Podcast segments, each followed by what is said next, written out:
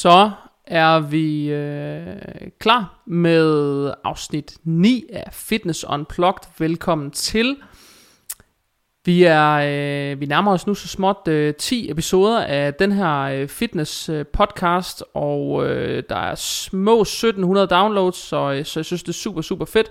Øhm, der sker noget nyt hver evig eneste, hver evig eneste uge, og, øh, og der er rigtig, rigtig god øh, feedback på, øh, på de ting, der bliver smidt op. Det sætter selvfølgelig rigtig stor pris på.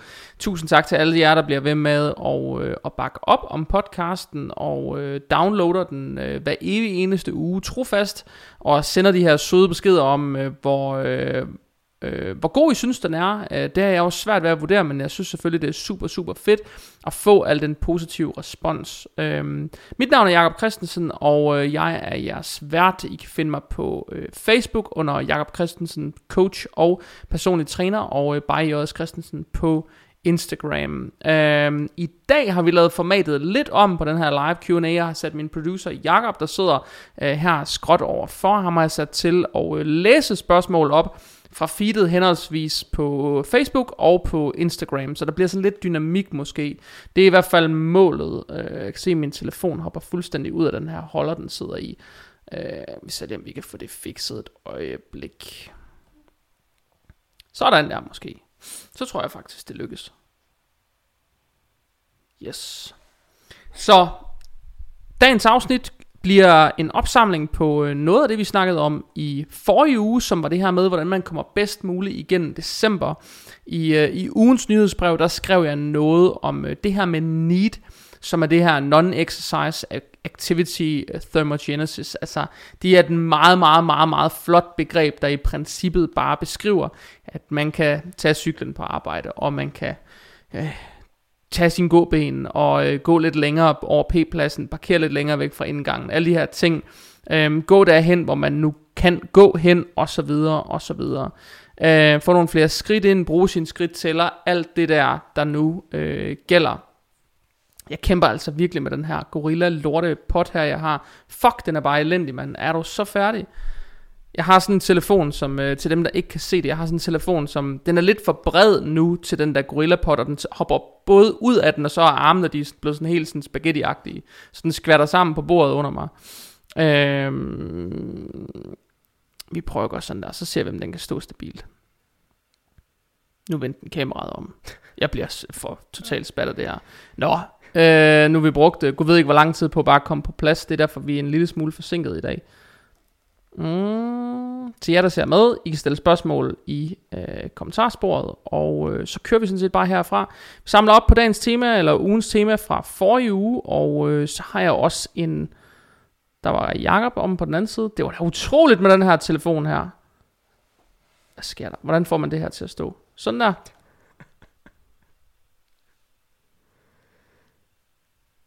Bum. Så lykkes det, tror jeg. Jeg tror lige, øh, det tog lige fire minutter at sidde og kæmpe med den der gorilla pot. Jeg fucking hader det pis. Men øh, heldigvis er det snart jul, så det kan være, der øh, falder en ny en af under juletræet. Vi er klar med dagens udsendelse, og, øh, og de her ting i forhold til, hvad man kan gøre op til, øh, op til jul. Der er rigtig, rigtig mange, der er bange for det her med øh, kalorier øh, i forbindelse med december måned, og øh, rigtig mange, der ikke tror på, man kan...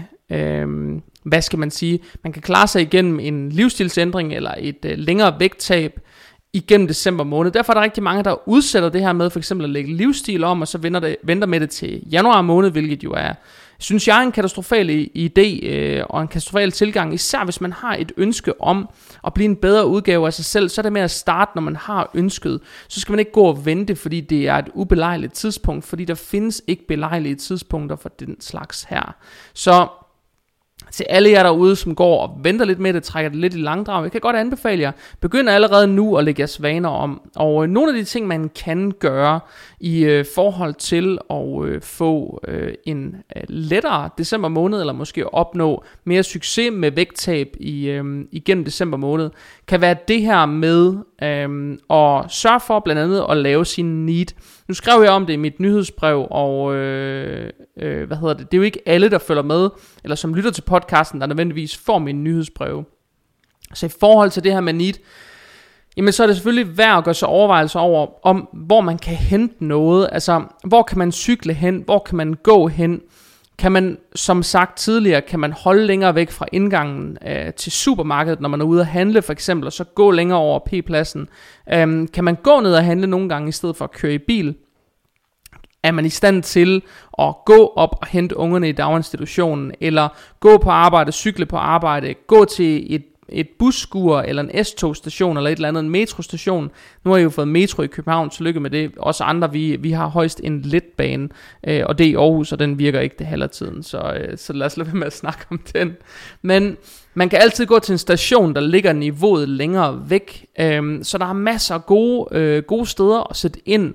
Øhm, og jeg har for eksempel sådan et, et eksempel, jeg elsker at hive op af hatten, er en klient, jeg havde, Thomas, som da vi gik i gang med et diætprojekt, han havde lige nøjagtigt fire dage om ugen, fire gange halvanden time om ugen, det var det, han havde tid til at træne, hverken mere eller mindre.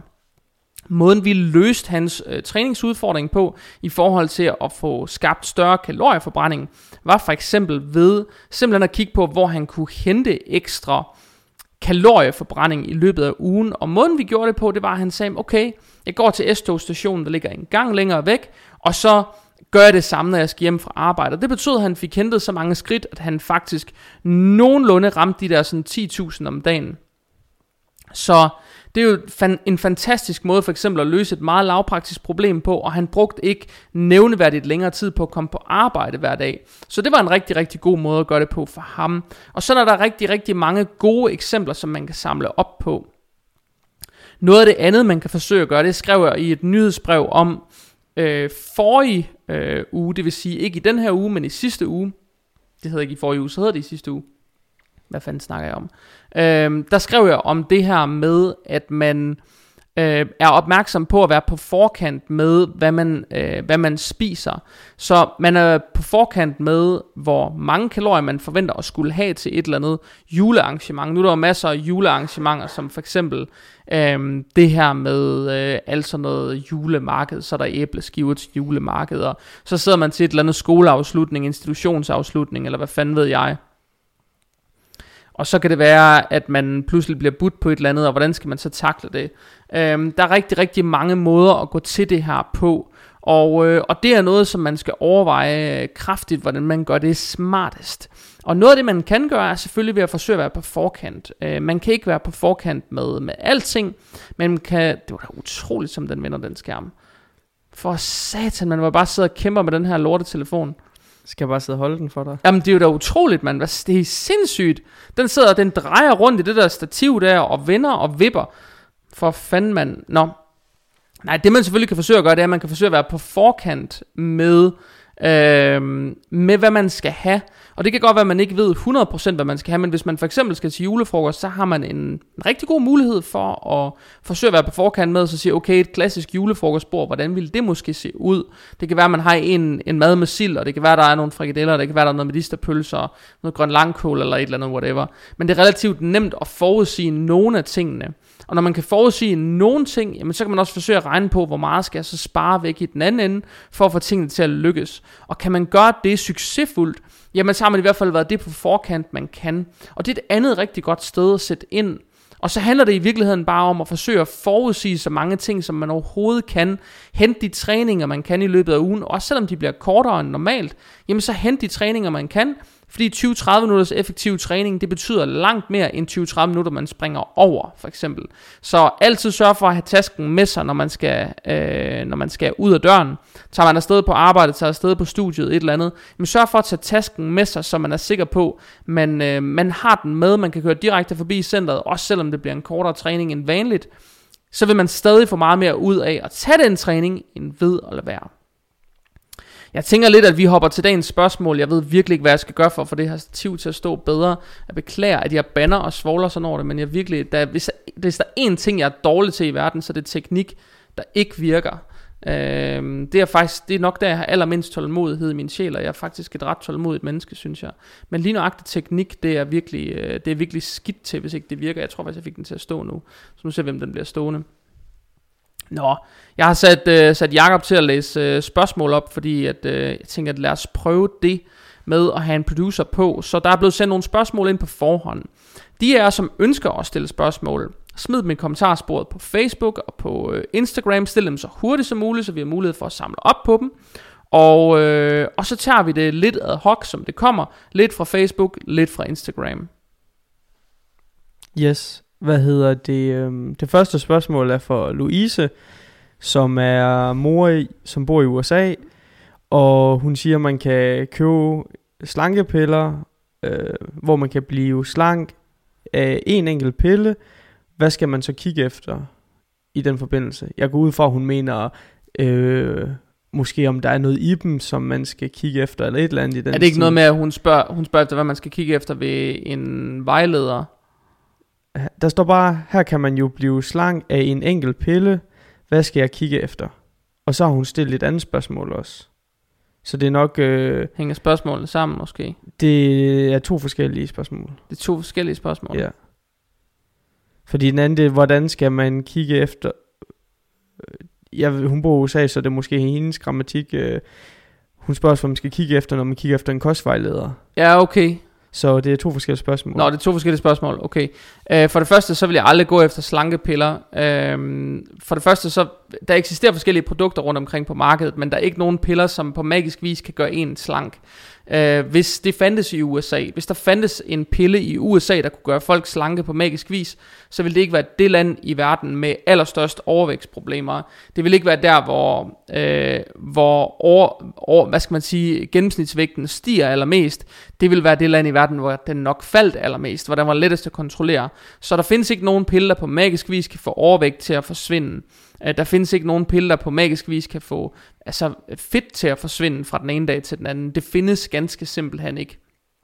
Der findes nogle ting, man kan tage, men det er ikke lovlige, øh, hvad hedder sådan noget, det er ikke lovlige øh, kosttilskud, man bare kan gå ind og købe på apoteket. Altså, øh, er man i USA, jamen man vil godt kunne købe noget Cytomel eller Thyroid, som vi kalder det herhjemme, men jeg er ret overbevist om, at man skal have det stadigvæk på recept, øh, eller også skal man have det black market. Det samme med clenbuterol, altså det kan man heller ikke bare købe på recept, hvis man vil. Det skal man også have black market. Øhm, muligt, man kan få noget metformin eller et eller andet på apoteket. Jeg ved faktisk ikke, om man skal have det på recept der. Men det er stadig ikke nogen altså sådan en slanke pille, som fra den ene dag til den anden vil få problemerne til at gå væk meget langt fra faktisk. Så nu spørger Siri, hvad hun kan hjælpe med. Fuck, hvor nice. Jeg er ikke sikker på, at jeg. Fuck af, siger I. Jeg er ikke sikker på, at jeg forstår. Hvordan slår man Siri fra? Det ved jeg ikke. Siger I fuck af? Åh, oh, det var da sindssygt. Den danser bare rundt her. Vi er tilbage på Instagram. Jeg tror, at resten er blevet filmet. Siri, hun begyndte at spørge, hvad hun kunne hjælpe med. Sådan helt af sig selv. Sindssyge kvindemenneske. Nå, så slankepiller, det vil ikke være the way to go, hvis det var, øh, hvis det var mig, der anbefalede nogen noget, og det vil det heller ikke være i Europa. Altså, det er ligegyldigt, hvor man bor henne, så som sagt, hvis den løsning fandtes i USA, så, så var den blevet sgu nok brugt, tror jeg. Det tænker jeg. Nå Jacob, så var der et spørgsmål mere, var der ikke det? Jo, men der er mange spørgsmål. Der er for Men der eksempel... var et spørgsmål mere i den forbindelse, der var der ikke det?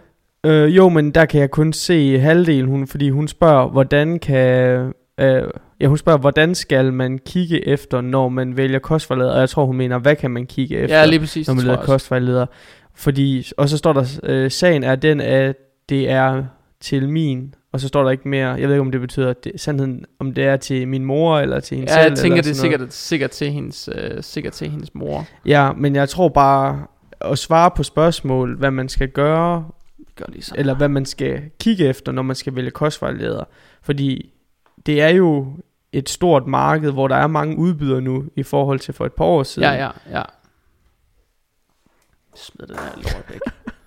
Sådan. Nu har jeg bare stillet den der øh, op af skærmen. Og nu røg forbindelsen på øh, Facebook. Er den stadig live? Facebook? Den siger, der ikke er nogen forbindelse. Det ligner en stadig live. Der Prøv at finde et bedre signal. Jesus, mand. Alle de her teknikaløje her. Nå. Øh, I forhold til det der med at vælge en vejleder, altså øh, muligheden for, at øh, hvis det er danske klienter, muligheden for, jeg kan også sådan set også tage udenlandske klienter, men muligheden for, at jeg vejleder øh, udenlandske klienter, er ikke noget problem andet end tidsforskellen, og den tager man bare højde for. Øhm, jeg har på samme tid haft øh, klienter i Spanien, Grønland og Frankrig og Norge, så og Danmark selvfølgelig. Øhm, så det burde ikke være et problem at bo i udlandet og, øh, og så gå i et forløb hos mig. Det tænker jeg ikke som udgangspunkt burde være et problem. Så hvis man er bekymret for det, det skal man ikke være. Hvis man kan være i gang i med et øh, forløb hos mig, og man er udenlandsdansker, det er rigtig, rigtig fint, ikke noget problem. Det er sådan set bare et spørgsmål om at tage kontakt til mig, og så få fundet ud af, hvordan vi lige får sat Oh, din... øh, røg Instagram nu, eller Nej, det er tilbage igen. Det var det, jeg skulle til at sige. igen. Okay. Det er simpelthen bare et, øh, det er det her teknik, jeg ved ikke om, er det internettet, der bare er øh, mega fucked lige nu, eller hvad? Det tror jeg ikke, jeg har jo net. Okay. Nå. Jamen, øhm, det er simpelthen bare et spørgsmål om at finde ud af det med tidsforskellen, og så få det booket rigtigt ind. Altså, alting er jo Skype-styret, så alt, alting, hvad skal man sige, alt sådan noget, øhm, alt sådan noget i forhold til planlægning og det lavpraktiske, det er simpelthen bare et spørgsmål om at så begynde at regne timer frem og tilbage. Det er jo ikke, det er der for mig at se ikke det store i. Så øhm, det plejer ikke at være et problem, det burde ikke være et problem, og hvis man gerne vil i gang, så synes jeg så, det er en rigtig, rigtig god løsning, hvor man egentlig kan få altså hjælp på ens modersmål, og så, øh, ja, og så er det en god løsning på den måde, ikke? Øhm, og samtidig kan man sige, hvis det er i USA, jamen så vil man uanset hvad, øhm, nok ramme nogle tidspunkter, hvor man også har tid til at tage samtaler, i og med, at der er de der typisk 8-10 timers forskel. Så, øh, så man vil uanset hvad kunne arbejde rundt om en, min almindelige arbejdsdag i hvert fald. Så jeg tænker ikke, det burde være et problem, men, øh, men øh, det er et forsøg værd i hvert fald. Jeg kan se, at øh, der er en, der skriver, at der har været med meldt ud med problemer på Facebook og Instagram. Jeg har faktisk oplevet det tidligere, hvor jeg kunne ingenting. Ja, altså. nå, det har jeg også faktisk. Øh, og det er jo ejet af de samme, så det kan jo godt være, det er netværket, ja hvem der er røget, eller ikke lige har præcis. godt. Kunne det sagtens være. Er der overhovedet, når I sidder på Facebook, kan I så overhovedet høre Jakob der sidder over for mig, fordi hans mikrofon er ikke sluttet til Facebook.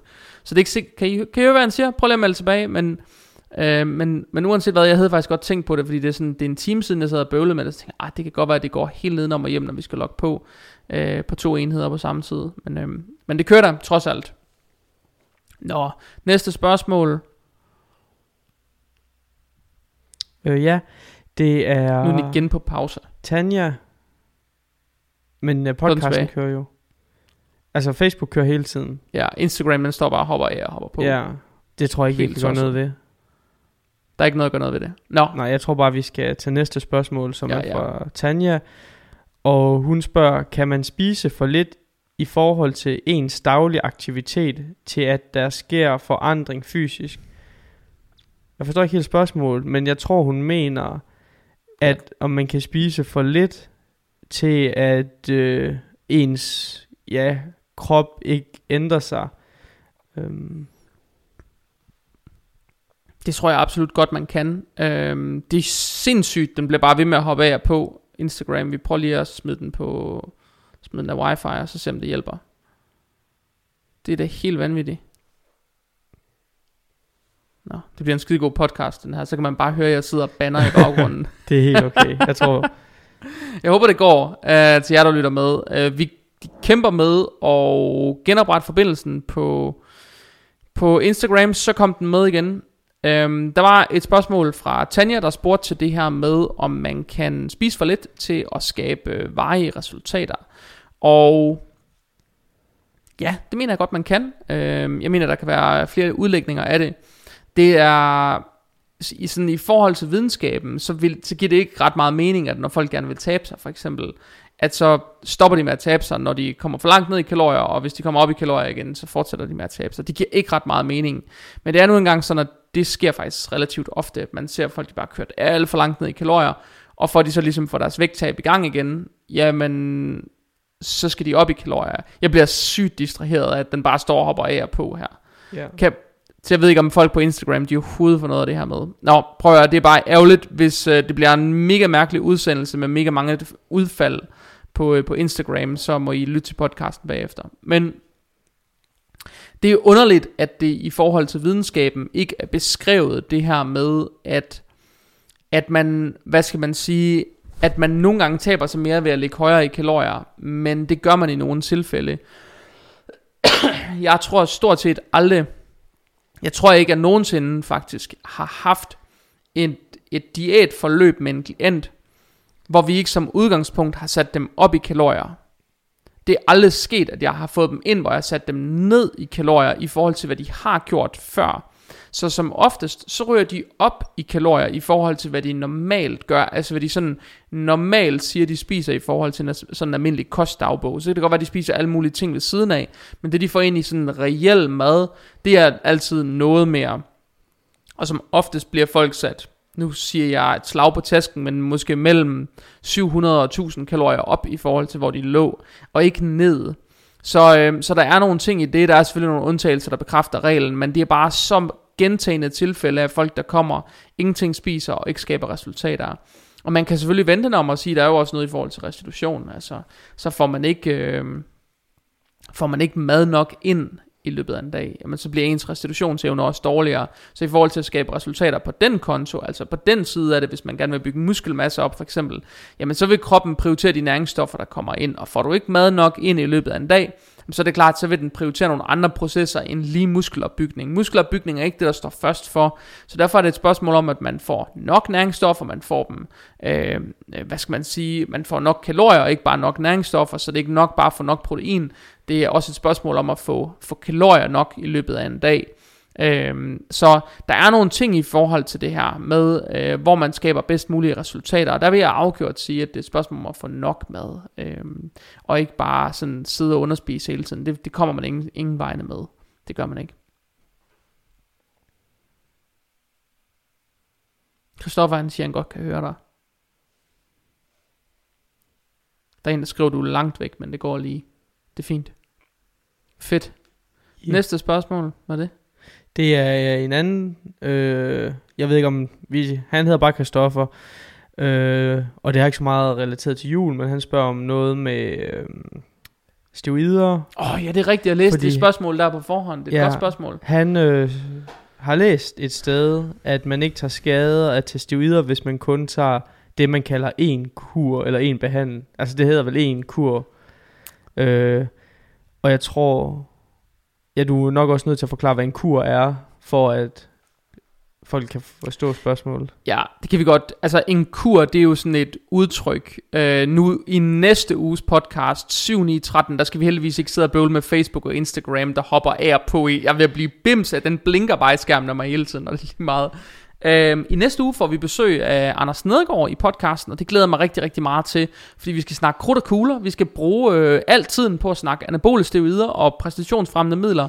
Og, øh, og det glæder jeg mig mega meget til, fordi det er sindssygt spændende, og øh, Anders han er mega brainy, og han er sindssygt godt opdateret på den nyeste viden, så det bliver en sjov udsendelse. Jeg tror faktisk, jeg tager det der spørgsmål med om den der ene kur og konsekvensen, fordi jeg synes faktisk, det er et meget sjovt, og også i virkeligheden et ret relevant spørgsmål. Altså der er mange unge mennesker, der stiller sig selv den her, øh, stiller sig selv det her spørgsmål om, om vi så bare tager en kur, har det så en konsekvens? Og til at starte med, ligesom du siger, Jacob, det kan være, at jeg skal forklare, hvad en kur er. En kur er bare et udtryk, der bliver brugt for en cyklus. Altså det vil sige, en steroidkur kunne være sat op over, nu siger jeg, 10 uger, 12 uger, 16 uger, 20 uger, whatever. Den kunne være bygget op over en eller anden periode.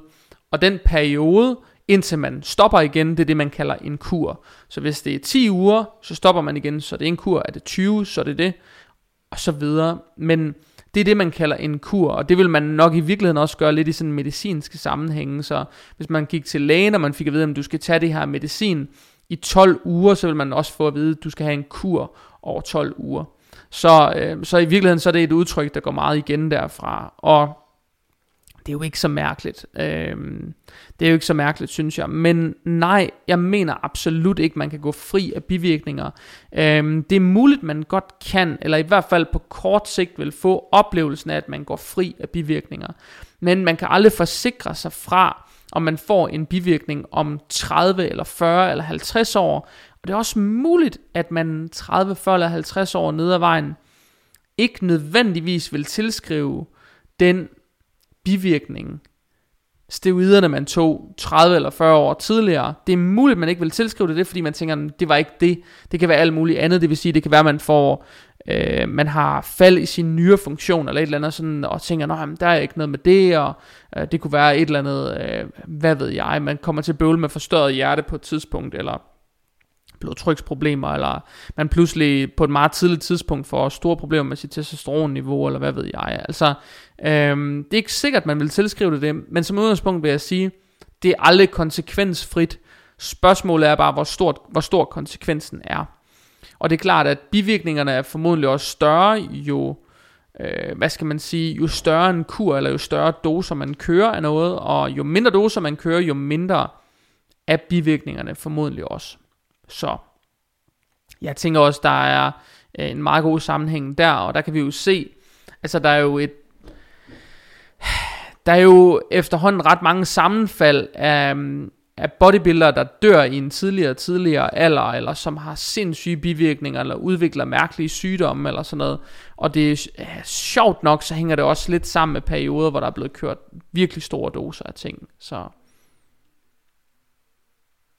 vil du sige noget, Jacob? Nå, jeg vil bare, jeg vil bare sige, jeg også har lagt mærke til at den der C.G. Fletcher, Arnold, øh, hvad hedder det, generation.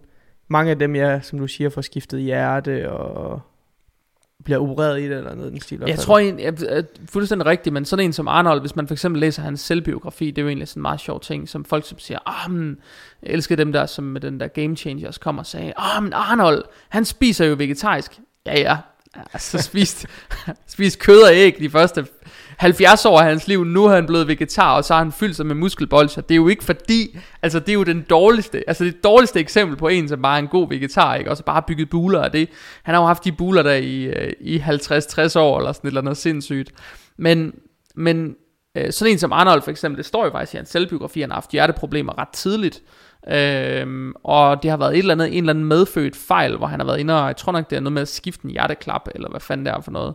Øh, og jeg mener også, at han lige har fået lavet en procedure for, at et par år tilbage, eller sådan noget, fik han en, gik han en tur til. Det kan også være, det var sidste år, det kan jeg fandme ikke huske. Jeg tror det sidste år. Ja, det tror jeg nemlig også, det er ret, ret nyt, øh, at han gik en tur til, men jeg tror virkelig også dengang, jeg tror faktisk, det står i hans selvbiografi, at han, han blev gjort opmærksom på, at han nok skulle ind og have foretaget et indgreb mere på et eller andet tidspunkt. Øhm, så ja, jeg ved det ikke, men man kan sige, sådan en som Dallas McCarver, nu faldt han død om som 25-årig øh, her forrige år, ikke også? Det er altså ret tidligt, og han er altså en fyr, som Altså, han har fordoblet sin kropsvægt, øh, og øh, stod øh, på scenen til Mr. Olympia et par gange, inden han blev 25.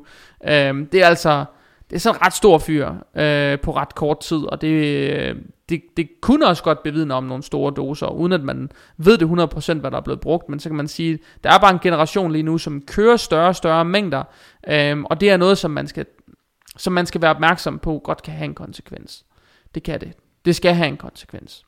Så lad os lade den ligge ved det, men spørgsmålet tror jeg, vi tager ved, øh, videre med til Anders, for jeg synes faktisk, det er en sjov dialog det her med, om man kan måle på, om det har en bivirkning bare at køre en kur. Ja. Så jeg tænker, den del tager vi med. Øh, Jeg synes faktisk, Karsten har et rigtig godt spørgsmål. Og det er, at øh, ind, indimellem i de videoer, du lægger op, så siger du stop her til dine klienter. Mm-hmm. Øhm, hvor hans spørgsmål er, øh, skal man ikke køre all out hver gang? Nej. Det er det korte svar. Det er det korte svar. Det korte svar, det er nej. Man skal ikke køre all out hver gang. Det synes jeg ikke, man skal. Øhm, når jeg har PT med folk, så er jeg meget sådan, hvis de... Man kan sige, der er, der er en udfordring i, hvis man fatiger for tidligt. Man kan klare, muskel, altså muskel, muskelvæv kan klare så og så meget arbejde. På et eller andet tidspunkt, så er muskler blevet trætte. Så kan det ikke mere. Og så er det et spørgsmål om at finde en god balance i det, så hvis man bare træner til failure i hver evig eneste sæt fra start af, så brænder man bare hjernen af, og så dør man for tidlig i en træning. Så hvis man ligesom skal nå at varme øh, nogle, øh, øh hvad hedder det, varme nogle muskelgrupper op igennem nogle øvelser, jamen så kan det godt være, at man måske har 1, 2, 3 opbygningssæt op til en eller anden vægt, men så er det også et spørgsmål om at få fundet ud af, jamen, hvornår er det egentlig, man skal træne til failure? Hvornår er det gunstigt at ramme en failure-grænse? Og det vil det ikke være fra sæt 1 af og frem. Fordi laver man den manøvre, jamen, så fatiger man bare for tidligt, og så har man til sidst ikke mere gas i tanken. Altså. Så øh, det er et spørgsmål om at få fundet sådan en, en, en gylden middelvej, så man ikke fatiger for tidligt, og man ikke har alt for mange sæt, hvor man øh, træner til failure, fordi det betyder bare noget for energiniveauet. Okay, og der er ikke forskel på, hvis du er almindelig træner ligesom mig, og er trænet ligesom Jo, dem, du træner. jo, det er der. Man opbygger en eller anden form for træningstolerance. Okay. Så hvis, og det vil du også finde ud af, hvis man for eksempel løber en tur hver dag, så bliver man bedre og bedre til at løbe den tur, men det bliver også nemmere og nemmere for en, så ens ildoptagelse bliver bedre, ens, ens arbejdspuls bliver lavere, og det bliver nemmere og nemmere. Og man kan også på samme måde træne sig op til for eksempel at øh, holde til at lave, altså x antal timers træning om ugen. Altså i starten, man begynder at styrketræne, kan det være, at man reelt set kan holde til at lave en halv times effektivt arbejde.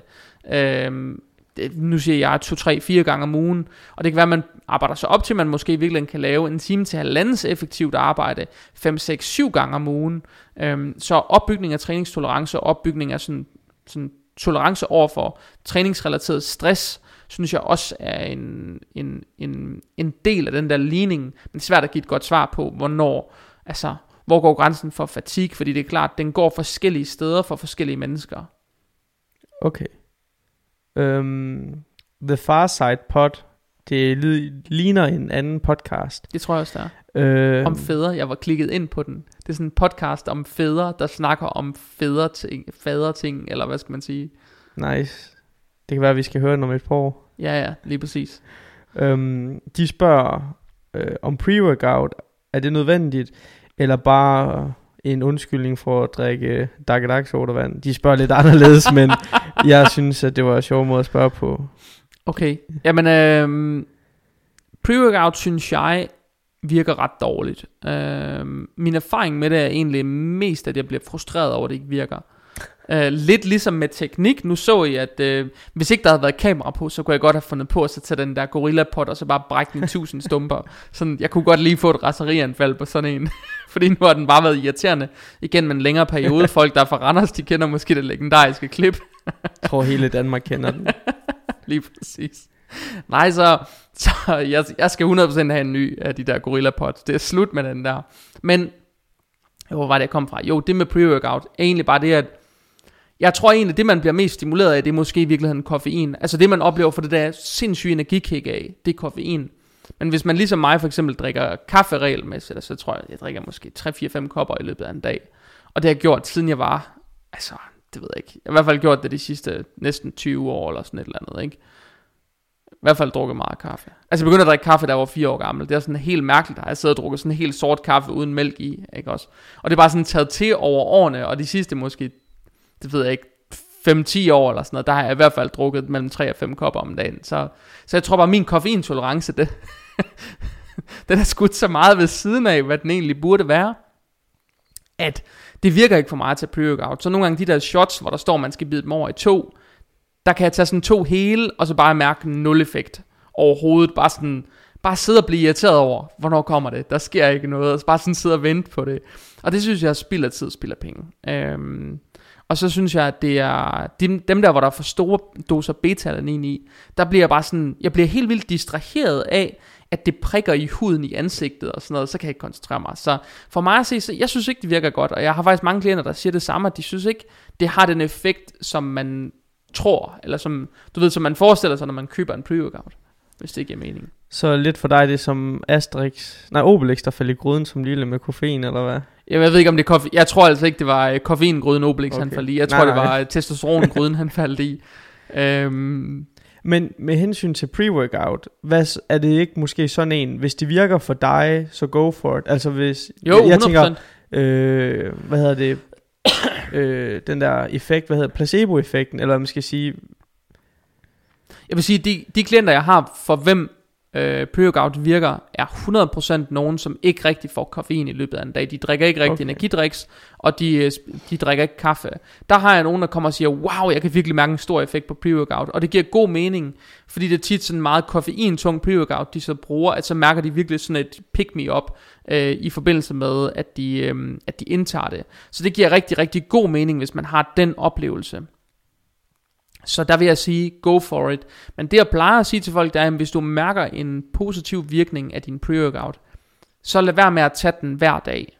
Fordi hvis man tager den hver evig eneste dag, så vender man sig til det, og det vil sige, at man, øh, man skal have mere og mere for at opnå samme stimuli over tid, og at man vælger sig ret hurtigt til nogle af de her øh, medicamenter. Så de her ingredienser, der er i, som for eksempel øh, koffein, vender man sig ret hurtigt til, man opbygger altså ret hurtigt en koffeintolerance. Det er helt abnormt, så hurtigt den kommer. Altså det er sådan noget med, altså du kan bare se, hvis du aldrig har drukket, nu er du lige begyndt at drikke Monster og kaffe samtidig, Hashtag sponsored. og du, du har ikke været vant til det før. Nej, altså sådan, jeg har drukket ekstremt meget Pepsi Max, men energidrikke har jeg egentlig aldrig rørt. Øh, meget lidt har jeg smagt den der booster. Okay. Den er virkelig god, synes Hvor, jeg. hvor voldsom var effekten, den dag du fik en monster, den første gang? Jamen det er jo det, jeg synes, og det er jo det, der er Chase the Dragon, hvis du ved, hvad jeg mener. Ja. Fordi jeg synes, øh, nu drikker jeg ikke så mange, fordi jeg prøver lige at holde det lidt på afstand med kulsyren lige Du også skal tiden. sove om natten, eller hvad? Præcis. Men, der, altså, og det er det, jeg ved ikke, om det er placeboen, eller den, øh, den faktiske effekt. Nej, nej. Fordi, men jeg synes, at det er sådan, nu træder jeg, fordi åh, det giver helt sikkert den her opkvikker. Ja, ja. Og det bilder mig selv stadigvæk ind, det gør. Men jeg kan godt huske de første par, der var det sådan dyt, dyt, dyt. Sådan, så fik man øh, Så kan man mærke effekten af det samme. tilbage. Ja. Nu, har du, nu har du gjort det nogle uger. Ja, Kan du begynde at mærke forskel på, hvordan du bliver stimuleret af det? ja, ja, nu er det mere bare sådan en... Øh, Det er mere afdæmpet nu, ikke? Præcis. Ja. Før der var det, ja, den der snap-effekt, og nu der er det bare sådan lige så stille, Ja. cool. Og der er sådan, altså jeg er så stimuleret af koffein, eller sådan, min, min hvad skal man sige, min tolerance over, for, over for koffein er måske så høj, at jeg kan sætte mig klokken 23 om aftenen og drikke tre kopper kaffe, og så lægge mig ind på puden og sove bagefter. Altså det virker bare natter på mig. Så, så ja, jeg burde nok have virket, der ville nok være et klogt hoved, der sagde, havde du overvejet at skrue ned for dit indtag. Det kunne godt være, det var en god idé, men bare for at illustrere det her med, at der er simpelthen bare forskel på ens tolerance. Og der vil jeg sige, dem som øh, virkelig oplever at have den her positive effekt, vi snakker om, jamen, der er pre-workout en rigtig god ting, men hold det til de dage, hvor du virkelig har brug for et pick-me-up inden træningen. De dage, hvor du er veloplagt, og hvor du er frisk og energisk, og har virkelig lyst til at træne, og du har masser af drive, der er det bare go for it, kom afsted. Men de dage, hvor du godt kan mærke, at du virkelig hænger i bremsen, og hvor du måske er lidt træt og lidt sløv, snup noget pre-workout. Nå, næste spørgsmål. Øh, Mette skriver, om der er en grænse for, hvor meget kreatin kroppen kan, øh, kroppen kan optage. Øh, og jeg gætter på, det er, er det om dagen, hun mener. Ja, jeg tænker generelt, fordi det er jo sådan en depot-ting, Okay. så det er jo noget, man lærer i sine muskelceller. Øhm, der lærer man jo kreatin. Man kan sige, vores kreatin er jo vores, eller ikke vores kreatin, vores muskelceller er jo vores kreatindepot. Okay. Så ja, der er en grænse, fordi den grænse, den er afgjort af, hvor stor muskelmasse vi har. Og det er klart, jo større muskelmasse man så har, jo mere kreatin kan man også loade og lære i sine muskelceller, og jo mindre muskelmasse man har, jo mindre kan man potentielt set også lære. Så ja, der er en grænse, og den grænse er nok afhængig af, hvor stor muskelmasse man har. Men jeg tror ikke, der findes en formel til at definere den. Okay. Men den, der findes nok en grænse et eller andet sted. Er den stor eller lille? I don't know. Okay. I don't know. Øhm, hun har flere spørgsmål Ja. sammen med det. Hun bare fyre den af. Ja, blandt andet øh, om der er et optimalt makrofordeling under et lean bulk. Nej. Det synes jeg ikke. Altså, man kan godt nuancere det lidt, men jeg synes, det kan være fint nok at kigge på makrofordeling. Og så sige, jamen, det kan godt være, at man skal have en eller anden mængde protein som grundregel. Det kan være, at man skal have en eller anden mængde kulhydrat som grundregel. Problemet med at ligge i overskud, det er, at man skal jo justere på nogle parametre. Jo mere kulhydrat du for eksempel får, jo mere fedt du får, jo mindre bliver dit proteinbehov faktisk. Men hvis du justerer op for kulhydratkilder, så stiger din, din protein, øh, dit proteinindtag også, men det stiger ikke lige så meget som dit kulhydratindtag det stiger, hvis det giver mening. Så makrofordelingen i fødevarer er jo typisk forskellig, og derfor vil man bryde den makrofordeling. Og det er også derfor, jeg, jeg har ikke nogen klienter, der nogensinde er blevet styret på makrofordelinger. Jeg har aldrig haft en. Og det er simpelthen et spørgsmål om at så sige, okay, jeg sætter en baseline af proteiner og fedt og kulhydrat til en start. Og når vi så har sat den start, jamen så kører vi derudfra, så justerer vi efter, hvordan de reagerer. Og når vi har justeret tilstrækkeligt op i kulhydrat, så kan det være, at vi hiver fedt og protein med op, bare for at balancere diæten lidt ud. Men som udgangspunkt har jeg ikke nogen grænse for, hvor det skal ligge henne på procenter. Fordi hvis det var tilfældet, jamen hvis man så for eksempel havde små kvinder på, nu siger jeg 65 kilo, og de måske kom, det kunne være, de havde en, en kalorietolerance, der var sindssygt høj, det kunne være, de kunne komme op på sådan noget. Jeg har flere piger omkring 60 kilo, som er helt åleslanke, som spiser plus 3500 kalorier om dagen. Hver dag. Hvis man forestiller sig, at man skulle give dem en helt balanceret kost på procenter, hvis du kan følge mit eksempel mm. her, så vil deres proteinindtag, det vil blive sky high. Og det vil blive unødvendigt højt. Altså det vil blive sådan noget med at spise 4, 4,5, 5 gram protein per kilo.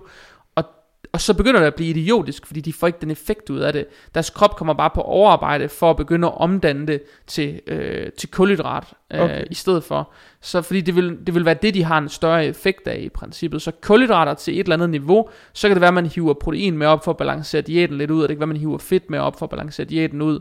Fordi der er også grænser for selvfølgelig, hvor meget kulhydrat man kan omsætte i løbet af en dag. Altså, det giver jo sig selv. Er der måske et øh, bedre råd, eller et andet råd, i, i stedet for at tage den her optimale makrofordeling under lean bulk, er der så et andet kostråd, der vil, eller tip eller et eller andet, du har? Ja, jeg vil sige, jeg, tr- jeg tror, det handler mere om, som jeg startede med at sige, at så sætte en baseline på protein. Så for eksempel sige, okay, jeg ved, jeg får i hvert fald øh, 1,8 til måske 2 gram protein per kilo, jeg vejer i min basisdiæt. Inden jeg begynder at justere på nogle parametre, så ved jeg, det får jeg, der hvor jeg starter. Fordi så ved man, så er man home safe hele vejen igennem. Og man ved også, at man måske med tiden kan øh, justere lidt ned på kødindtaget, eller øh, andre proteinkilder, mejeriprodukter og æg og sådan noget. Øh, det er muligt, at man kan justere lidt ned på det, så man kommer op i kulhydratindtag, op i fedtindtag, og det er også muligt, at det skal justeres lidt op. Men som udgangspunkt, sæt en baseline på protein, sæt en baseline på fedt, så synes jeg også, man skal sætte en baseline på grøntsager. Fordi jeg synes, det er vigtigt, at man får prioriteret sit grønt ind i øh, kosten, og derfra så kigger på, hvor mange kalorier fylder det totalt, og ud fra det kaloriespænd, så fyld op med kulhydrater, til man når det overskud, man gerne vil, så se, hvordan man rykker sig med den kost, øhm, og så tage udgangspunkt i det, når man møder, møder plateau, så justere op. Okay. Øhm, hun har et sidste spørgsmål, men jeg tror næsten Mm. lige, du har svaret på det. Og det er, hvor mange gram fedt om dagen per kilo kropsvægt. Ja, okay, det fik jeg ikke nævnt sammen med proteinerne der. Nej, men jeg tror... Næsten... Svarede du ikke næsten på det? Jo, altså, jo, jeg tror egentlig bare, jeg undlod at sætte nogle tal på, men som udgangspunkt vil jeg sige, i forhold til fedt, den baseline diæt, jeg sikkert vil lave med folk, vil sikkert ligne, nu siger jeg mellem 0,7 og 0,8 gram fedt per kilo. Det vil være nedre niveau, øvre niveau vil sikkert være omkring et gram per kilo eller sådan noget. Og så ud fra det, så nivellerer op. Øh, og jeg har for eksempel nogen, som ligger på sådan noget halvandet gram fedt per kilo kropsvægt, simpelthen bare for at få kalorierne ind, fordi de har brug for en mere kalorietæt kost, øh, og de ikke tager på, at de spiser. Altså. Okay. Kan du forklare, hvorfor fedt ikke er far... Altså sådan... Hvorfor det ikke er dårligt at spise fedt? Eller er det for sindssygt spørgsmål? Jamen, det er ikke et sindssygt spørgsmål, men man kan sige, at altså, en, en fedt spiller jo en, en, en relativt stor rolle i forhold til produktionen af øh, de forskellige øh, hormoner, vi har i kroppen. Især, øh, især kønshormonerne er meget styret af, af, at vi har fedt nok til rådighed i kroppen. Øh, man kan sige, at fedt kan også godt omsættes som energi i kroppen, men fedt er også et sindssygt effektivt redskab til at øge kalorietætheden i måltider. Øhm, så hvis man har meget svært ved at tage på, altså det kan godt være nogle cases med nogen, der har svært ved at tage på, man så siger, okay, det kan godt være i de her tilfælde, men så siger, det kan være, at vi bryder grænserne lidt for fedtindtag, og så skruer det ekstra højt op, fordi det vil måske give mening i deres respektive case, at man kører fedtindtaget højt.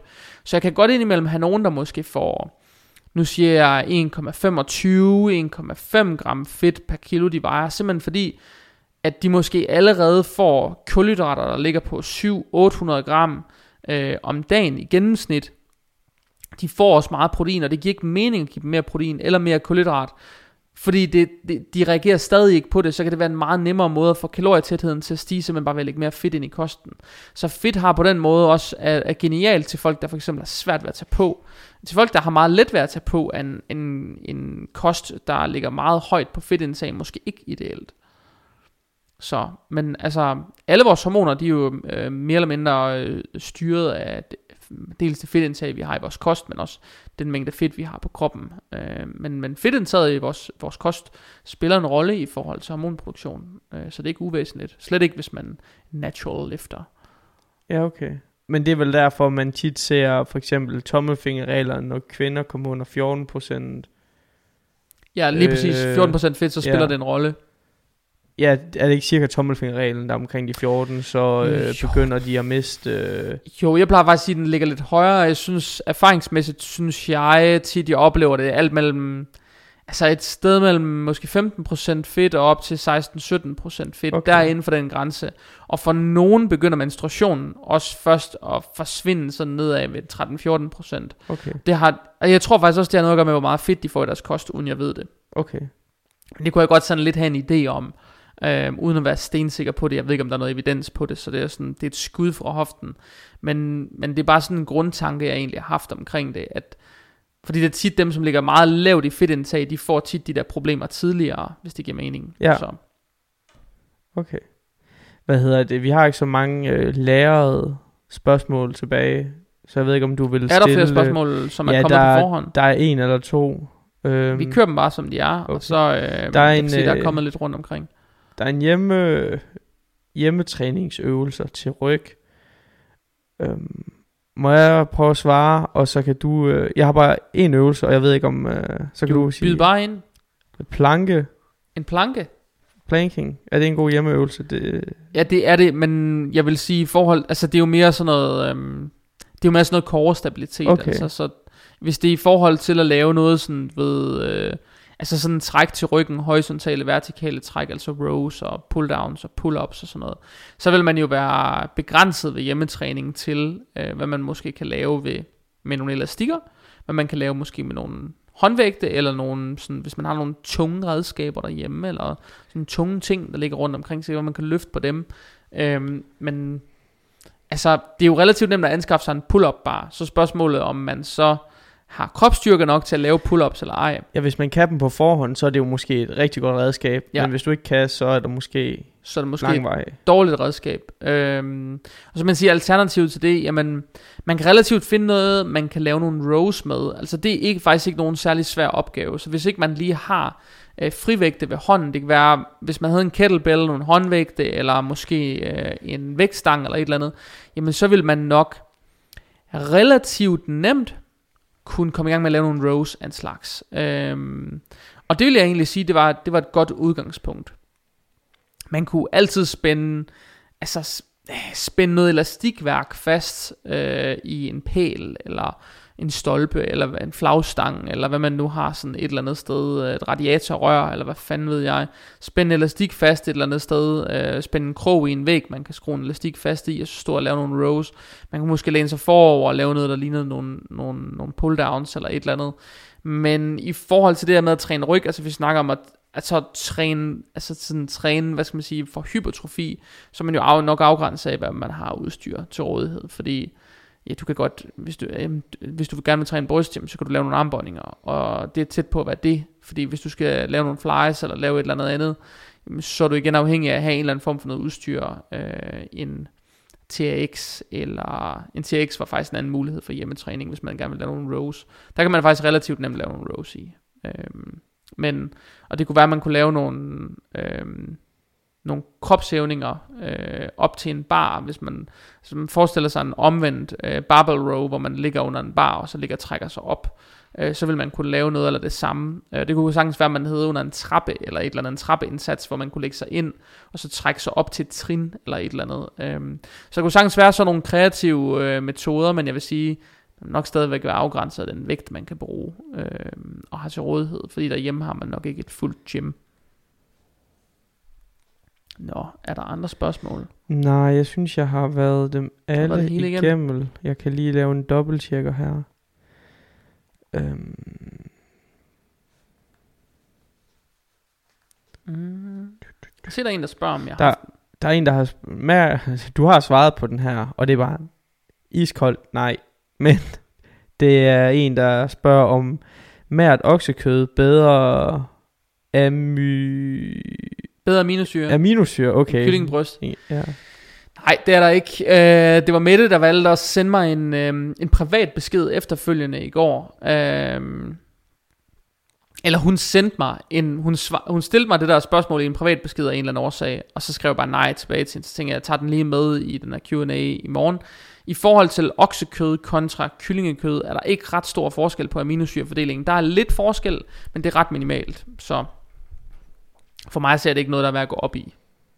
Okay. Der er heller ikke særlig stor forskel på fisk, for eksempel. Det bliver nyt i en nulstillet kamera, der er sådan der. Der er heller ikke særlig stor forskel på sådan noget som fisk. Øhm, så som udgangspunkt vil jeg sige Hvad i med forhold lige til... en gris? Undskyld, jeg afbrød.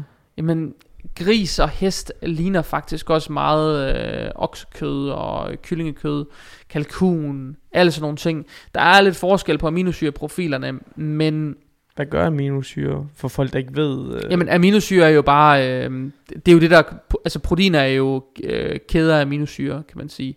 Så man snakker om aminosyrefordelingen, fordi alle aminosyrene har hver deres funktion.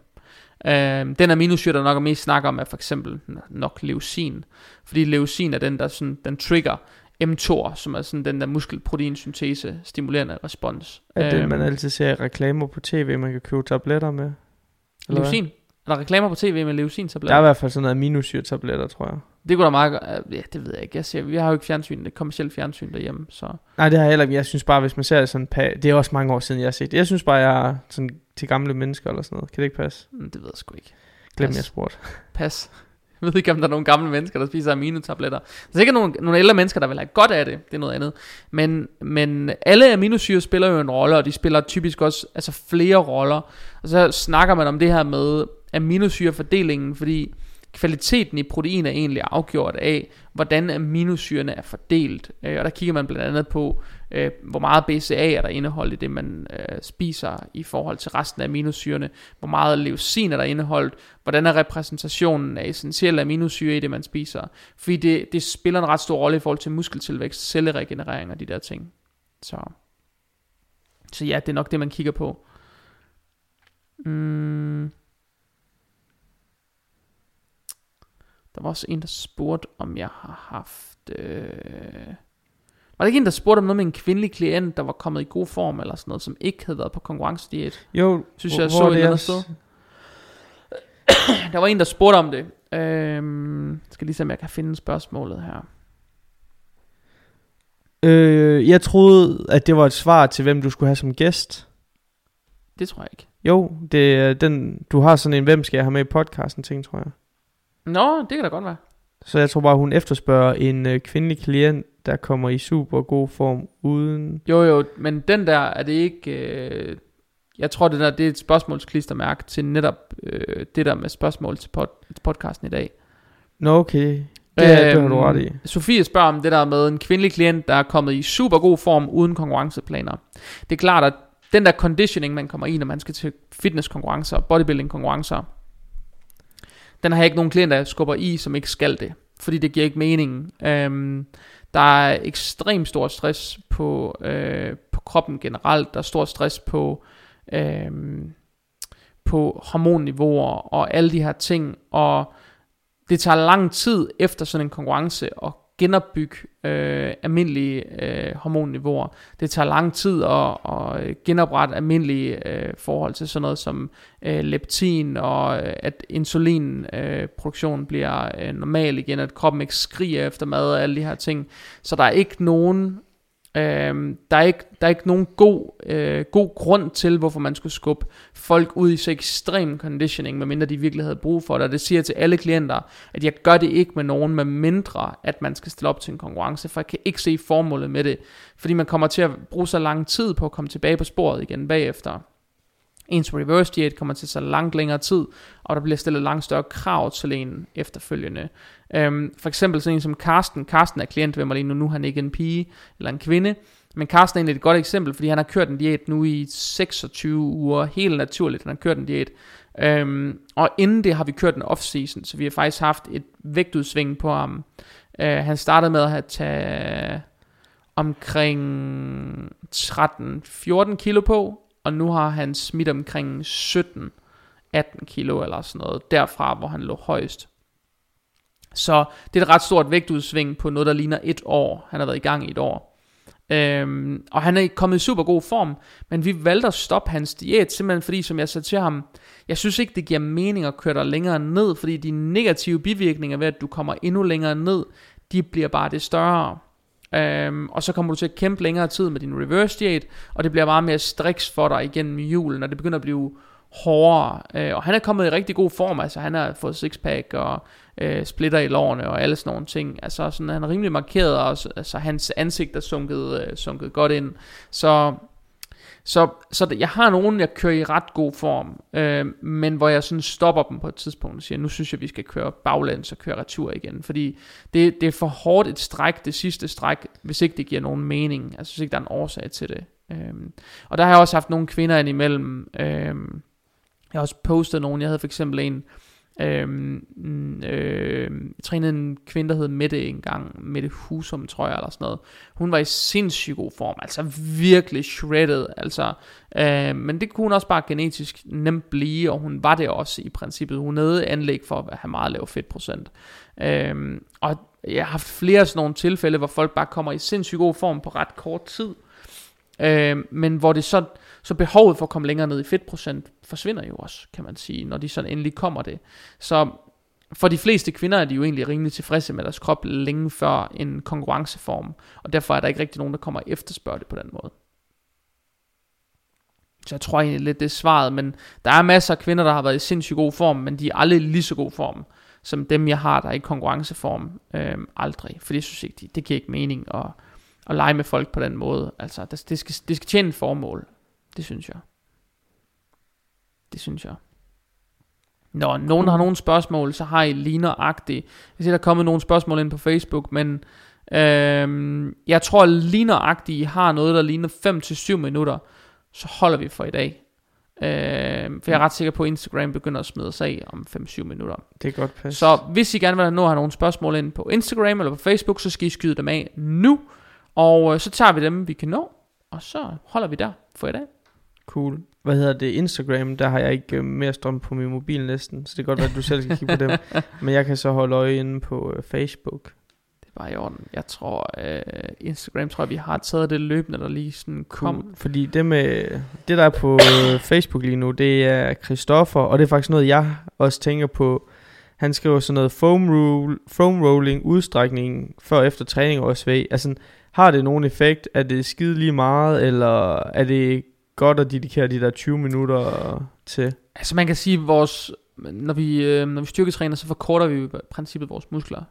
Så øh, der er jo egentlig en, en god nok idé i, hvis man gerne vil øh, holde sig smidig og fleksibel og bevægelig, så er der en rigtig, rigtig god øh, idé at lave det her, jeg kalder prehab. Øh, og ind under prehab, der ligger jeg selvfølgelig foam rolling, jeg ligger udstrækning, øh, og jeg ligger øh, alt sådan noget øh, behandling, man kan få. Øh, hvad det så end kunne være. Øh, kiropraktik og fysioterapi og massage og alt sådan noget halløj. Øh, jeg synes det hele falder lidt ind under samme kategori, for det er et spørgsmål om øh, noget maintenance og ligesom holde ved lige-agtigt. Det, og det er noget af det, som... Altså når jeg får klienter i dag for eksempel, så er jeg meget sådan... Hvis jeg kunne give et godt råd, som jeg ville ønske, jeg havde givet mig selv i sin tid, så havde det været nok at bruge lidt mere tid på sådan noget udstrækning. Øh, bruge tid på at foam roll en gang imellem. Altså jeg foam roller, når jeg har ondt, for eksempel. Så giver jeg mig til at foam roll, så tænker jeg, jeg skal også foam roll. Ikke? Når jeg ikke har ondt, så gør jeg det ikke.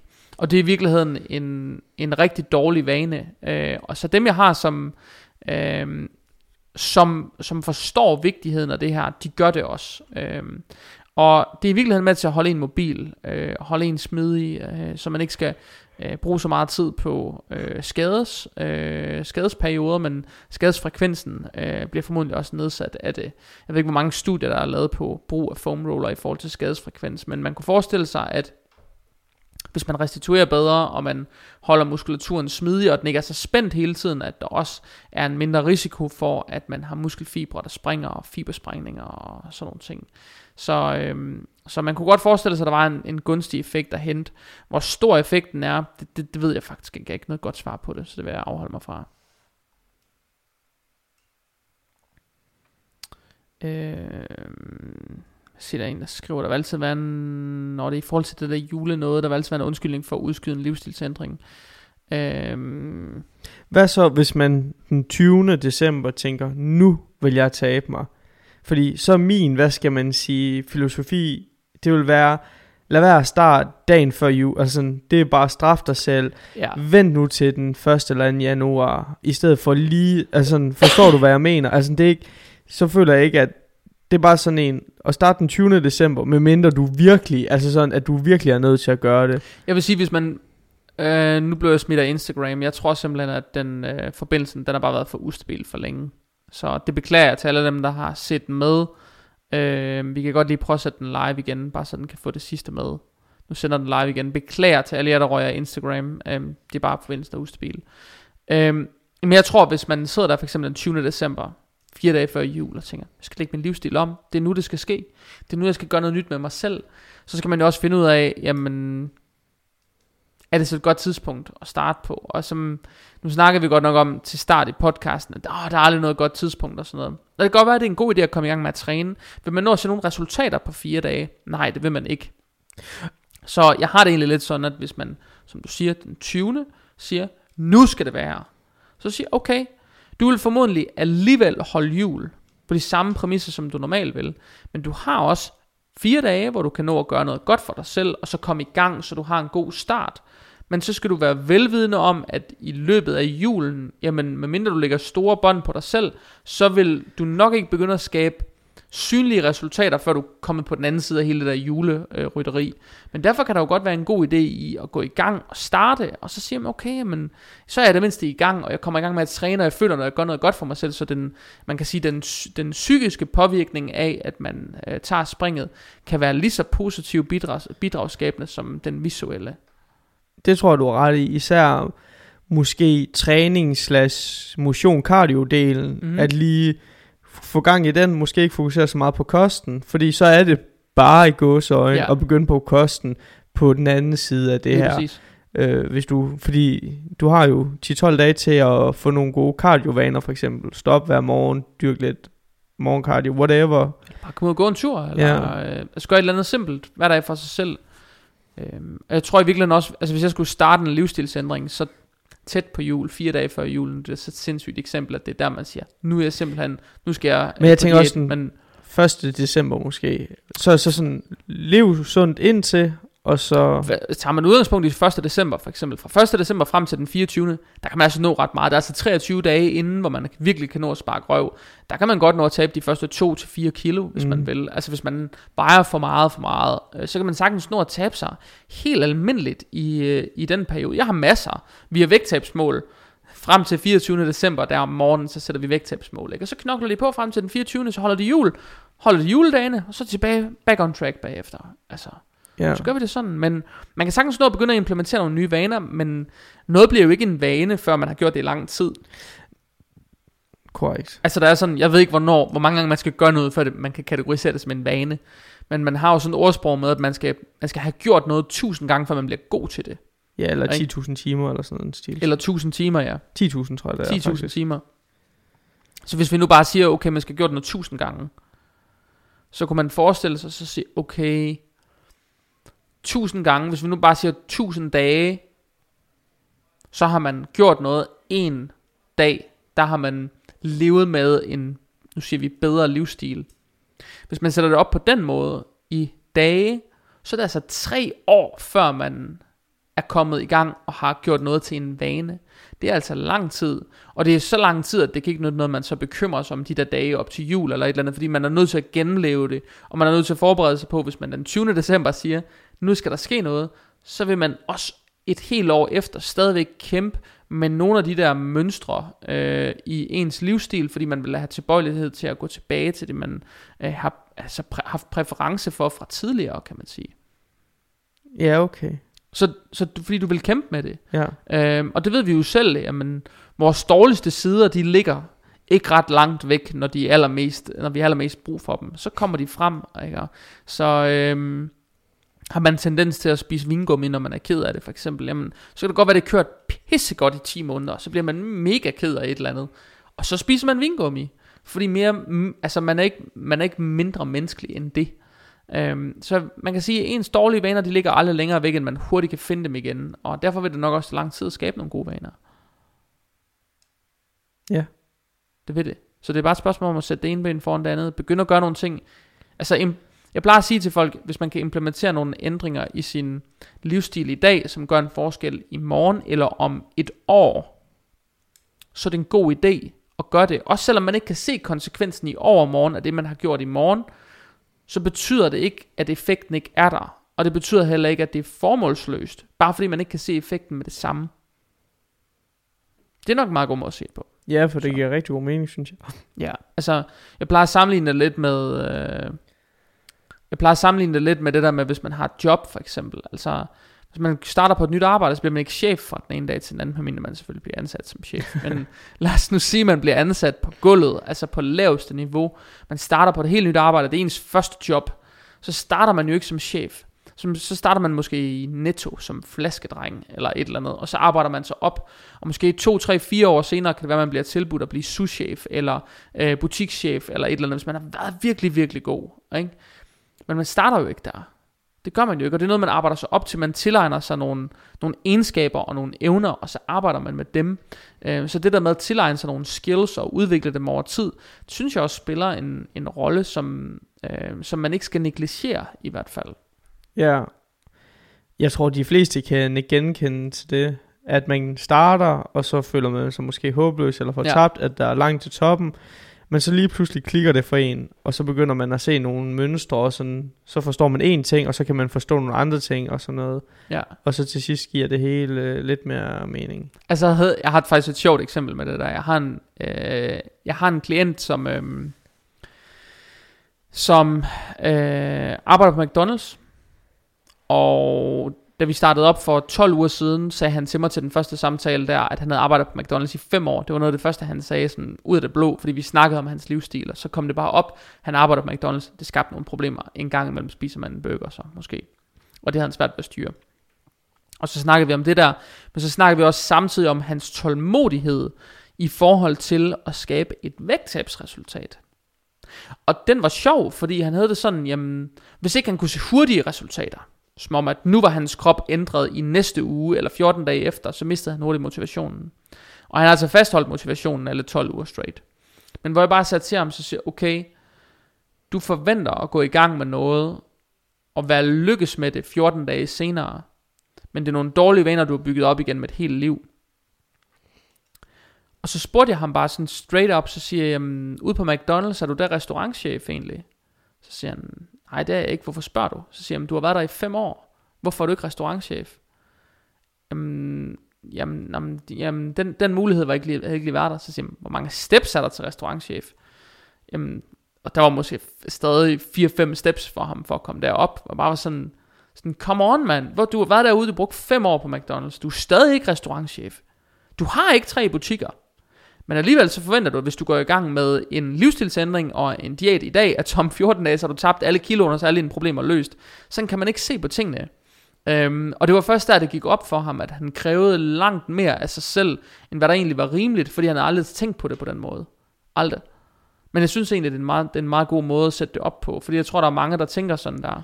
Med enig, hvad hedder det, øh, jeg synes også, det var rigtig godt sagt, fordi at jeg har jo selv været ham den mega utålmodige og brugt flere år på at tabe mig et par uger, eller prøve mit bedste, og så stå der, what the hell, der er ikke sket noget, Nej. så kan det også være lige meget, burger smager bedre end det her, og så den der kamp frem og tilbage. Men når du siger det på den måde, det giver rigtig god mening. Det giver da mega god mening, synes jeg. Mm. Altså fordi, prøv at tænke på, øh, bare det der med, når man starter, øh, hvis man starter selvstændig virksomhed, for eksempel, nu jeg driver min egen virksomhed. Øh, du driver også din egen virksomhed, du, Ja. producer, nu, du producerer øh, video- og lydcontent for folk, ikke? Ja. Øh, på alle mulige sindssyge tidspunkter af døgnet, kan I se. Øh, nu klokken 21.49, kan jeg se.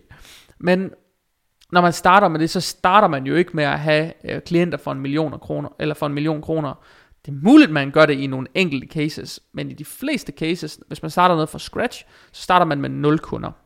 Man starter ikke en business med millioner i banken. Fald den ikke din måde. første. Ikke den allerførste business. Den starter man formodentlig uden kunder, helt fra scratch. Og så skal man ud og skaffe kunderne. De kommer over tid, og så genererer man omsætning over tid. Og, øhm, og, Og det skal have lov til at have en naturlig udvikling.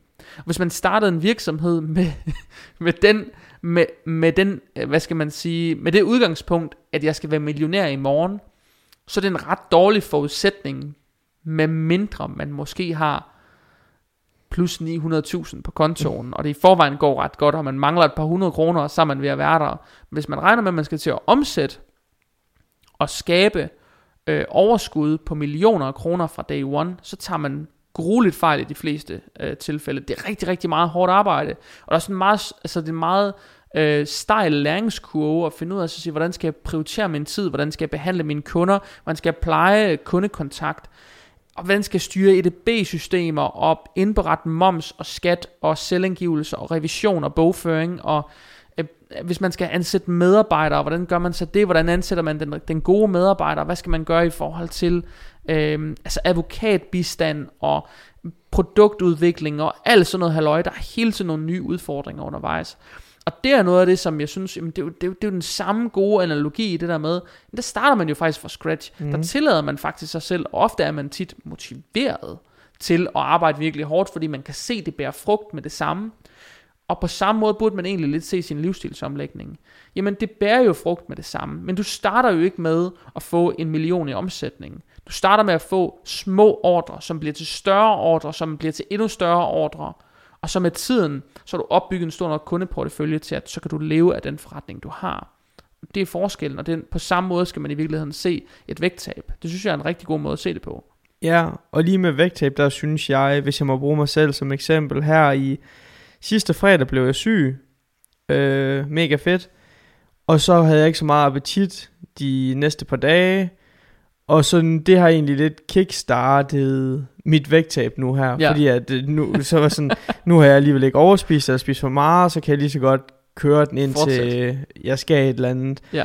Øhm, men sådan i min krop, kropsmæssigt, har jeg, selvom at jeg ikke, altså jeg har spist omkring de der 2.000 kalorier om dagen i gennemsnit, altså det er så åndssvagt, fordi lige nu har jeg i min krop, den har det virkelig dejligt. Mm-hmm. Altså, og jeg ved, at hvis jeg overspiser, hvilket, altså, jeg skal til julefrokost på lørdag, og der ender man tit med at gøre sådan noget, og jeg ved alle de dage, de hundredvis af dage, jeg har prøvet at overspise før i tiden, at der har min krop det ikke særlig godt, og lige nu har den det perfekt, og når man lige, når man lige kommer et par dage væk fra at spise alt for meget, så finder man egentlig ud af, wow, ens krop har det faktisk rigtig godt, ja. vil man ikke. Og allerede der, for mig i hvert fald, så begynder det at føles som en, et win, eller hvad man skal ja, sige. Altså, ja, ja. krops, altså det kan godt være, at jeg ikke får opfyldt min øh, mega lyst til at spise usund, men min krop har det i det mindste rigtig godt. Ja, ja. Men jeg tror i virkeligheden, at i forhold til det der med, hvordan kan man fastholde den der følelse af at have det godt i kroppen, mm. selvom man skal til en julefrokost, og man forsøger at gennemgå en livsstilsændring eller et vægttab. Det er jo en af de ting, jeg snakkede om i sidste uges nyhedsbrev. Der kommer også noget omkring det i sådan en videoserie, der kommer til at køre på Facebook og på Instagram i øh, december måned. Så der kommer noget helt sikkert om det, men en af de ting, jeg synes, øh, en af de ting, jeg synes er værd at, at tage med i den betragtning, det er det der med, hvor meget man kan forberede sig. Altså, hvor meget kan man forberede sig? Du ved jo selv, du skal til juleforrest. Nu, og du ved også selv, hvad det er for, altså hvem er det med, hvad plejer I måske at få at spise, hvad er omstændighederne omkring det, og det kan være, at du aldrig har været med før, og det er første gang. Men selv uanset hvad scenarie man står i, så har man som regel ret gode forudsætninger for at gætte sig frem til en julefrokost. Og så sige, okay, hvis vi nu tog en standard julefrokost, og så tager madlok frem, eller livesum, eller en af de der andre, taster 3-4 snaps ind, og trækker to, taster 2, 3, 4, 5 bajere ind, og taster rugbrød ind, og sild, og laks, og øh, frikadeller, og medisterpølse, og grønlangkål, og alt det der. Så prøv at taste det hele ind, og så prøv at lave et estimat på at se, hvor mange kalorier er det. Og Ud, så, ud fra det, så vil jeg selv personligt lave en, en, altså lave en prioriteret, øhm, lave et, nogle prioriterede valg, og så sige, okay, jeg kan rigtig godt lide, måske, nu siger jeg silden og øh, frikadellerne, og øh, det kan være, man var helt vild med øh, honningglaseret skinke, eller et eller andet, whatever. Ikke? Og man så måske ikke er så vild med, nu siger jeg laks, og det kunne være, at man ikke var så vild med øh, grønlangkål og sylte, for eksempel. Men så siger okay, men så spis, så prioriter at spise de ting, du godt kan lide. Spis dem i nogle mængder, hvor du føler dig tilpas, og hvor du føler dig stimuleret, og du egentlig føler, mm, du, du fik det, du gerne ville have, og du føler dig ikke snydt bagefter. Og så sige nej tak til de andre ting, og så vent til det bliver, altså, så der igen kommer en ret, man så vil prioritere at sige, der bruger jeg nogle kalorier. Men på den måde vil man have ret, god, øh, ret gode forudsætninger for at forudsige, hvor mange kalorier skal jeg have sparet den dag. Så hvor mange kalorier skal der være tilbage i gåseøjen til dagen, når julefrokosten den så starter, så man kan komme igennem julefrokosten uden at have den der, den der følelse af ekstrem overspisning. Og det tror jeg egentlig er en meget god måde at gå til det på. Så kan det godt være, at man skyder 200 kalorier over, eller 500 kalorier under, men man har gjort et forsøg, og det at man er forberedt, betyder, at man vil takle det langt bedre, end hvad man ellers ville have gjort. Ja, hvad hvis man nu vælger for eksempel at sige, øhm, man gør det der plus, altså sådan, øh, jeg vil nok skyde på til en julefrokost, kommer man nok, det er jo bare mig ofte til at i stedet, altså det er måske 500 kalorier ekstra eller sådan Ja, noget. ja, stil. lige præcis. Hvordan har du det med, hvis jeg så sådan siger, øhm, jeg lægger mig lidt under, altså så bruger jeg øh, torsdag fredag, og så spiser jeg bare lige Det er også Tre- en mulighed. 300 kalorier mindre de her dage, og så øh, føler jeg, altså synes du, at det er en variabel, hvis man, Det Kan kan, være, jeg det kan styre være fint nok. Okay. Det, kunne også, det kunne også være, at man siger, okay, det kan være, du siger, det er, øh, det være, du siger, det er 500 kalorier over. ja, Du estimerer. ja, Og det er allerede, når du ved, du skal til julefrokost, så vil jeg tage den der, og det synes jeg er et rigtig, rigtig godt råd at tage med på vejen for folk faktisk. Allerede når man ved, okay, der er julefrokost den dato, allerede der kan man faktisk begynde at planlægge sig ud af det. Så siger man, okay, så begynder man at taste alle de der ting ind, som vi snakkede om før. Og så siger, okay, hvor mange dage, altså hvordan vil jeg spare kalorierne? Jeg sparer dem på dagen. Og så siger okay, jamen, jeg ved, at det vil måske koste mig, nu siger jeg 1200 kalorier at tage til julefrokost. Det har man regnet ud. Det er det, man gerne vil have plads til. Så føler man sig tilfredsstillet. Og hvis du så siger, at du spiser måske et par tusind kalorier om dagen, jamen, så må du have spist 800 den dag. Alternativet til de 1200 kalorier til, hvordan kunne vi finde dem, det var for det første at sige, okay, jamen, hvis du gerne vil have, så du måske har 500 kalorier ekstra til den dag, så du kan spise lidt mere end bare 800 kalorier i løbet af dagen, inden du skal til julefrokost, så skal du måske have fundet de 500 kalorier i dagene op til. Og det vil sige, skal man til julefrokost om lørdagen, så kan det være, at man siger, okay, mandag, tirsdag, onsdag, torsdag, fredag, 5 dage straight, der ligger jeg mig 100 kalorier under. Og så tager jeg mig den frihed og ryge 500 kalorier over til julefrokosten, og så igen, når jeg vågner søndag morgen, så back on track. Det kunne være en måde at gøre det på. Så har man også været forud. Så hvordan man forudsiger de der ting, og hvordan man beregner det og lægger det ind i sin rytme, er nok i virkeligheden lige meget på den lange bane. Ja. På den lange bane om to måneder, så kan du alligevel ikke se på din krop, at du var til julefrokost der, den der, den, den øh, sidste lørdag i november måned for eksempel. Det kan du ikke se, når du står op 1. februar. Det, du kan ikke se det nogen steder. nej, Og overhovedet jeg ikke. synes, det er en vigtig måde at se på det på. Det er, jamen, det du får at spise nytårsaften, kan du jo heller ikke, det står du ikke til påske og tænker, ah, der sidder godt nok lige stadig 100 gram her, som dem havde jeg ikke inden. Så, sådan, sådan hænger verden jo ikke sammen. Så, så jeg synes i virkeligheden, at, og det, må- den er måske virkelig også meget god, meget god at slutte af med, fordi den, den handler om, om det her med julefrokoster, så øh, jeg tror ikke, der er kommet flere spørgsmål ind. Jeg tror egentlig bare, vi skal lukke den her. Øh, det tror jeg, vi gør. Jeg tror, øh, det er det, der bliver afsnit 9 af Fitness Unplugged. Til næste uge, og til jer, der lytter med på podcasten her, vil jeg rigtig gerne sige, vi siger spørgsmål om brug af dopingstoffer.